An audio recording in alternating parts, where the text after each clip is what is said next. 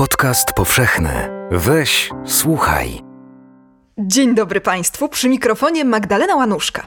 Dziś wyjątkowo świeżo po powrocie z południowej Chorwacji opowiem o tym, na co właśnie tam się natknęłam. Wspaniałych zabytków, no rzecz jasna, jest tam niemało, ale ja powiem o tych mniej oczywistych, skoro mój podcast nazywa się Sztuka Powszechnie Nieznana.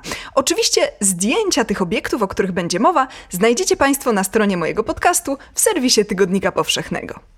Na początek zapraszam Państwa na wyspę Korczula, gdzie znajduje się wspaniałe, zabytkowe miasteczko, również o nazwie Korczula. Można się tam dostać promem, na przykład z półwyspu Pelieszac.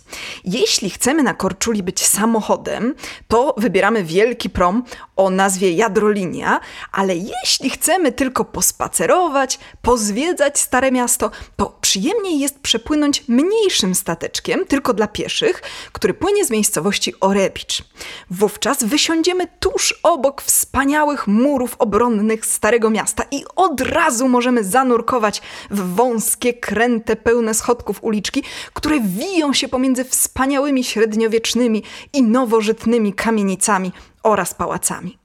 A na środku wznosi się katedra pod wezwaniem świętego Marka, budowana od XIV wieku. I natychmiast naszą uwagę z pewnością przykuje portal główny, a właściwie to, co ma po bokach. Oto bowiem na kolumnach ukazane zostały lwy trzymające jagnięta. Te lwy leżą sobie na konsolach, a pod tymi konsolami przedstawiono Adama i Ewę. Jest to dosyć zaskakujące ujęcie, jak na wejście do kościoła, ponieważ ci Adam i Ewa zostali ukazani w pozycji kucającej. Oni na swoich plecach trzymają te konsole z lwami. Nogi mają rozstawione, no i nie jest to specjalnie szczęśliwa poza, ponieważ jak to Adam i Ewa są całkowicie nadzy. Zdjęcia, które zrobiłam tym rzeźbom, teraz są na stronie mojego podcastu. Ogólnie cały ten portal to jest dosyć nietypowe ujęcie popularnego schematu dekoracji, również dlatego, że, jak już powiedziałam, Adam i Ewa wspierają zawieszone konsole, na których są lwy. A tymczasem częściej zdarzało się, że lwy były na dole i to na ich grzbietach stały kolumny. Otóż w sztuce romańskiej szczególnie w kręgu włoskim, niesłychanie popularne były tak zwane portyki na lwach, czyli dekoracja portalu w postaci, no między innymi zadaszenia na kolumnach z lwami po obu stronach wejścia. Dekorowanie wejścia parą strzegących go bestii, to mogą być lwy, byki, gryfy, ma tradycje starożytne i to bardzo dawne. Tak dekorowano wejścia do pałaców w starożytnym Egipcie czy Mezopotamii. Przejęli to Grecy i Rzymianie, ale chyba przywędrowało to do Europy Zachodniej za pośrednictwem dworskiej kultury świata islamu popularność portyków na lwach w sztuce zachodnioeuropejskiej zaczyna się z grubsza od XI wieku, kiedy dynastia normandzka objęła władzę na Sycylii. Generalnie uważa się, że najstarsze portyki na lwach to te z katedry w Modenie z przełomu XI i XII wieku.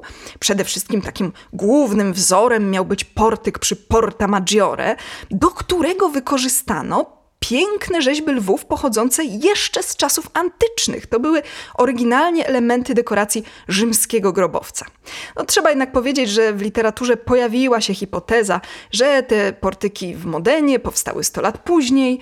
Najpierw te lwy rzymskie miały dekorować przegrodę chórową wewnątrz katedry. W tej sytuacji wcześniejsze portyki na lwach byłyby w Ferrarze i Weronie, bo te na pewno są z pierwszej połowy XII wieku. Czy inaczej, rzecz się stała z czasem popularna. I doszedł do tego też kontekst biblijno-prawny, jeśli można tak powiedzieć.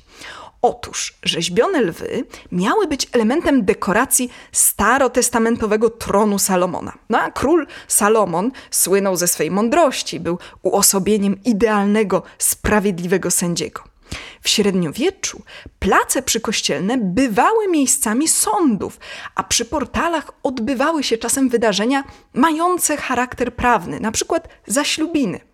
a zatem lwy w tym miejscu mogły także odnosić się do świeckiego sądownictwa. Chociaż oprócz tego, oczywiście ważne jest, że w sztuce sakralnej lew mógł symbolizować Chrystusa.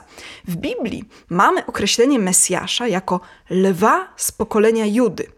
To jest odniesienie między innymi do apokalipsy, a zatem jeśli połączymy lwy z Adamem i Ewą, to mamy taki całościowy kontekst od początków świata do sądu ostatecznego.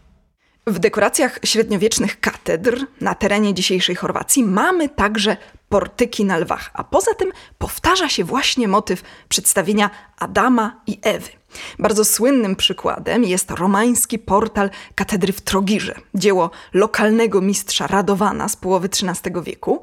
Tam Adam i Ewa stoją na lwach, i zasłaniają swoje miejsca intymne. W identycznych pozach jak w Trogirze zostali ukazani Adam i Ewa w północnym portalu katedry w Szibeniku, tylko że tam oni stoją na kolumnach, które wspierają się na lwach. To jednak zupełnie inny efekt niż te rozkraczone postacie na fasadzie katedry korczulańskiej.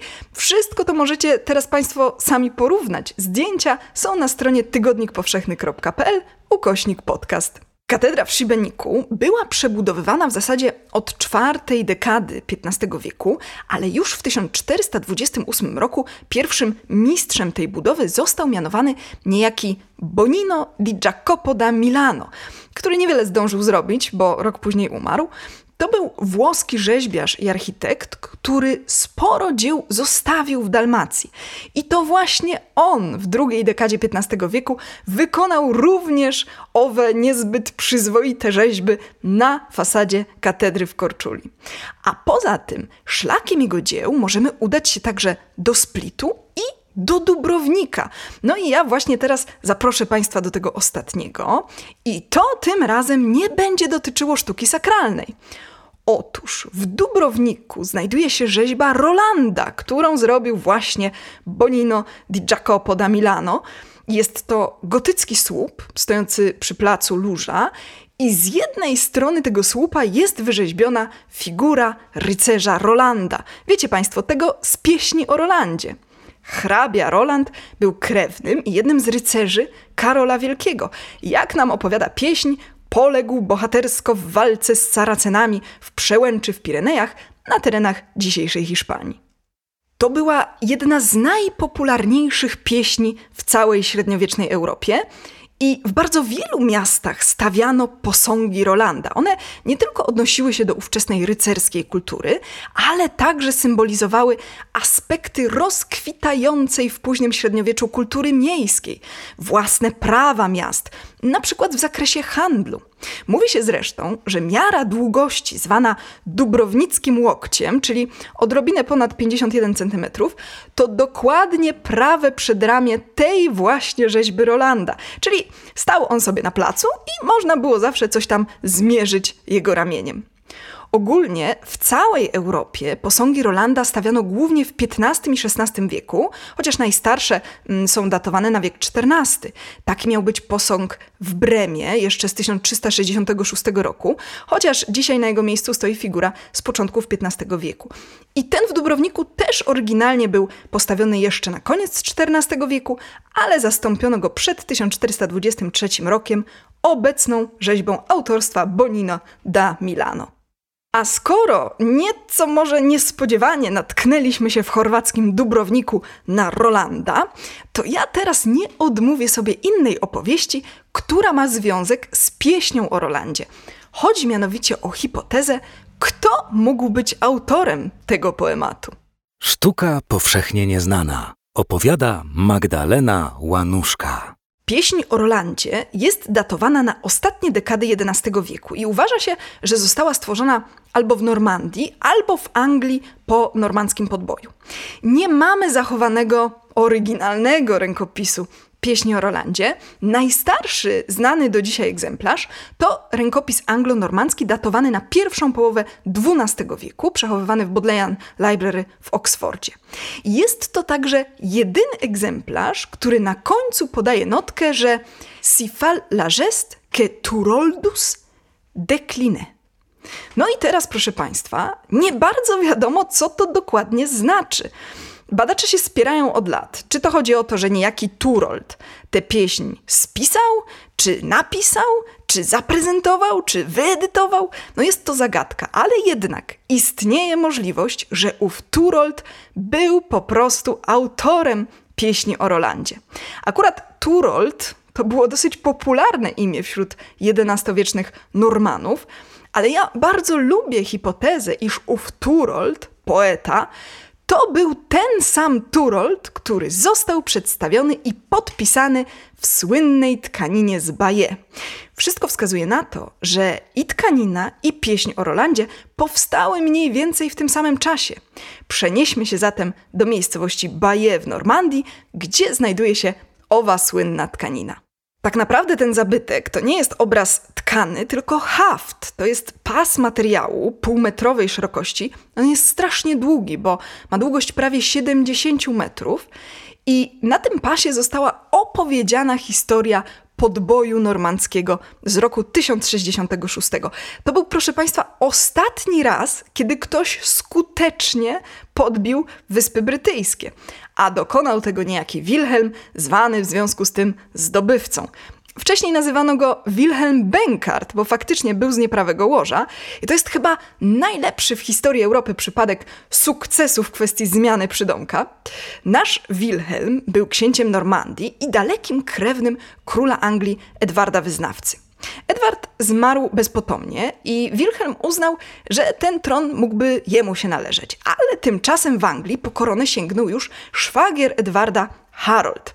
No i mówiąc w skrócie, Wilhelm najechał na Anglię, w bitwie pod Hastings pokonał Harolda. Tkanina z Baje opowiada tę historię i powstała prawdopodobnie od razu po tych wydarzeniach. Niewykluczone, że fundatorem tkaniny był Odo, przyrodni brat Wilhelma Zdobywcy oraz biskup Baje. Został on zresztą także przedstawiony w samej tej tkaninie. Ogólnie postaci tam jest bardzo dużo, ponad 600, ale oczywiście większość z nich to bezimienni rycerze biorący udział w walkach oraz w dyplomatycznych spotkaniach. I tylko 15 osób zostało w tkaninie z Baje podpisanych z imienia, Większość to główni bohaterowie, władcy, ich najbliżsi doradcy, czyli postacie znane historykom. Jest jednak także kilka osób, które dziś dla nas pozostają niezidentyfikowane. Do takich należy Turold, zwany w publikacjach angielskojęzycznych Turold the Dwarf, czyli Turold Karzeł. Jest to bowiem niewątpliwie mężczyzna cierpiący na achondroplazję. Ma głowę i tułów normalnych rozmiarów, ale znacząco krótsze kończyny. I to nie jest także dziecko, ponieważ ma brodę i wąsy. Trzyma dwa konie, więc jest mimo niskiego wzrostu dorosłym, silnym mężczyzną. Został on przedstawiony w scenie osadzonej jeszcze w północnej Francji, mianowicie kiedy posłańcy Wilhelma przybywają do hrabiego Pontier Gwidona I. Nasz Turold był ewidentnie jakąś ważną postacią na dworze. Brał udział w spotkaniu dyplomatycznym, ale jego strój wskazuje na to, że mógł być tak zwanym jongleur, czyli artystą. To nie musiało wówczas oznaczać jedynie żonglera, akrobaty. Mógł to być także muzyk i poeta. Najwyżej cenieni, nadworni artyści często w średniowieczu bywali zaangażowani również w dyplomatyczne podróże, zwłaszcza jeśli ktoś był kronikarzem czy poetą i miał opisać później całe wydarzenie. To samo zresztą mm, działo się w przypadku malarzy nadwornych, którzy czasem dołączali do ambasadorów władców, na których dworach byli zatrudnieni. Nasz Turold z tkaniny z Baje musiał być ważną postacią, skoro jako jedyny z tej delegacji został podpisany z imienia. Lubię myśleć, że autorem jednej z najsłynniejszych pieśni rycerskich był człowiek cierpiący na achondroplazję. Tak utalentowany, że jego postura nie zamknęła mu w rycerskim świecie drogi do uzyskania dobrej pozycji na książęcym dworze. Przyjemnie jest wierzyć, że być może słynną opowieść o heroicznej walce stworzył ktoś, kto ze względu na przypadłość genetyczną nigdy zapewne nie mógł sam walczyć mieczem. Tak czy inaczej, Turold z tkaniny z Baje musiał być znaczącą postacią i ja zawsze będę o nim myśleć, kiedy natknę się na jakąś kolejną rzeźbę Rolanda, które stoją w miastach w całej Europie. Również, jak się okazuje, w południowej Chorwacji. Całą tę opowieść można na koniec zawiązać popkulturowo. Oto bowiem tkanina z Baje stała się źródłem inspiracji dla tkaniny gry o tron. Tę ostatnią stworzono w Irlandii, gdzie większość serialu była kręcona i utrzymując stylistykę średniowiecznej tkaniny, ta współczesna opowiada o wydarzeniach z popularnego serialu. A jak wszyscy fani owego serialu wiedzą, wiele scen z gry o tron było kręconych w Chorwacji, szczególnie właśnie w Dubrowniku. A więc od niskiego Turolda, hipotetycznego autora pieśni o Rolandzie, poprzez rzeźbę Rolanda, wracamy do Dubrownika, a ja fanom gry o tron tylko zwrócę uwagę, że Turold to brzmi trochę tak jak Tyrion. Oczywiście ten rok 2020 nie jest najlepszy na podróżowanie, no ale Chorwacja nie jest tak okropnie daleko, da się przejechać, granice nie są całkowicie zamknięte. Zresztą, jak nie w tym roku, to w przyszłym. Wiedzcie Państwo, że jest tam wiele zabytków nie mniej wspaniałych niż te w Italii. Dziękuję Państwu bardzo za wysłuchanie opowieści o rzeźbach, które w Dalmacji stworzył w początkach XV wieku Bonino di Jacopo da Milano. Zapraszam na moją stronę posztukiwania.pl i do usłyszenia w połowie następnego miesiąca. Magdalena Łanuszka. Jeśli słuchają nas Państwo w Spotify albo w Apple Podcast, zasubskrybujcie nasz kanał. Jesteśmy też w Google Podcast i w aplikacji Lekton oraz na www.tygodnikpowszechny.pl/podcast.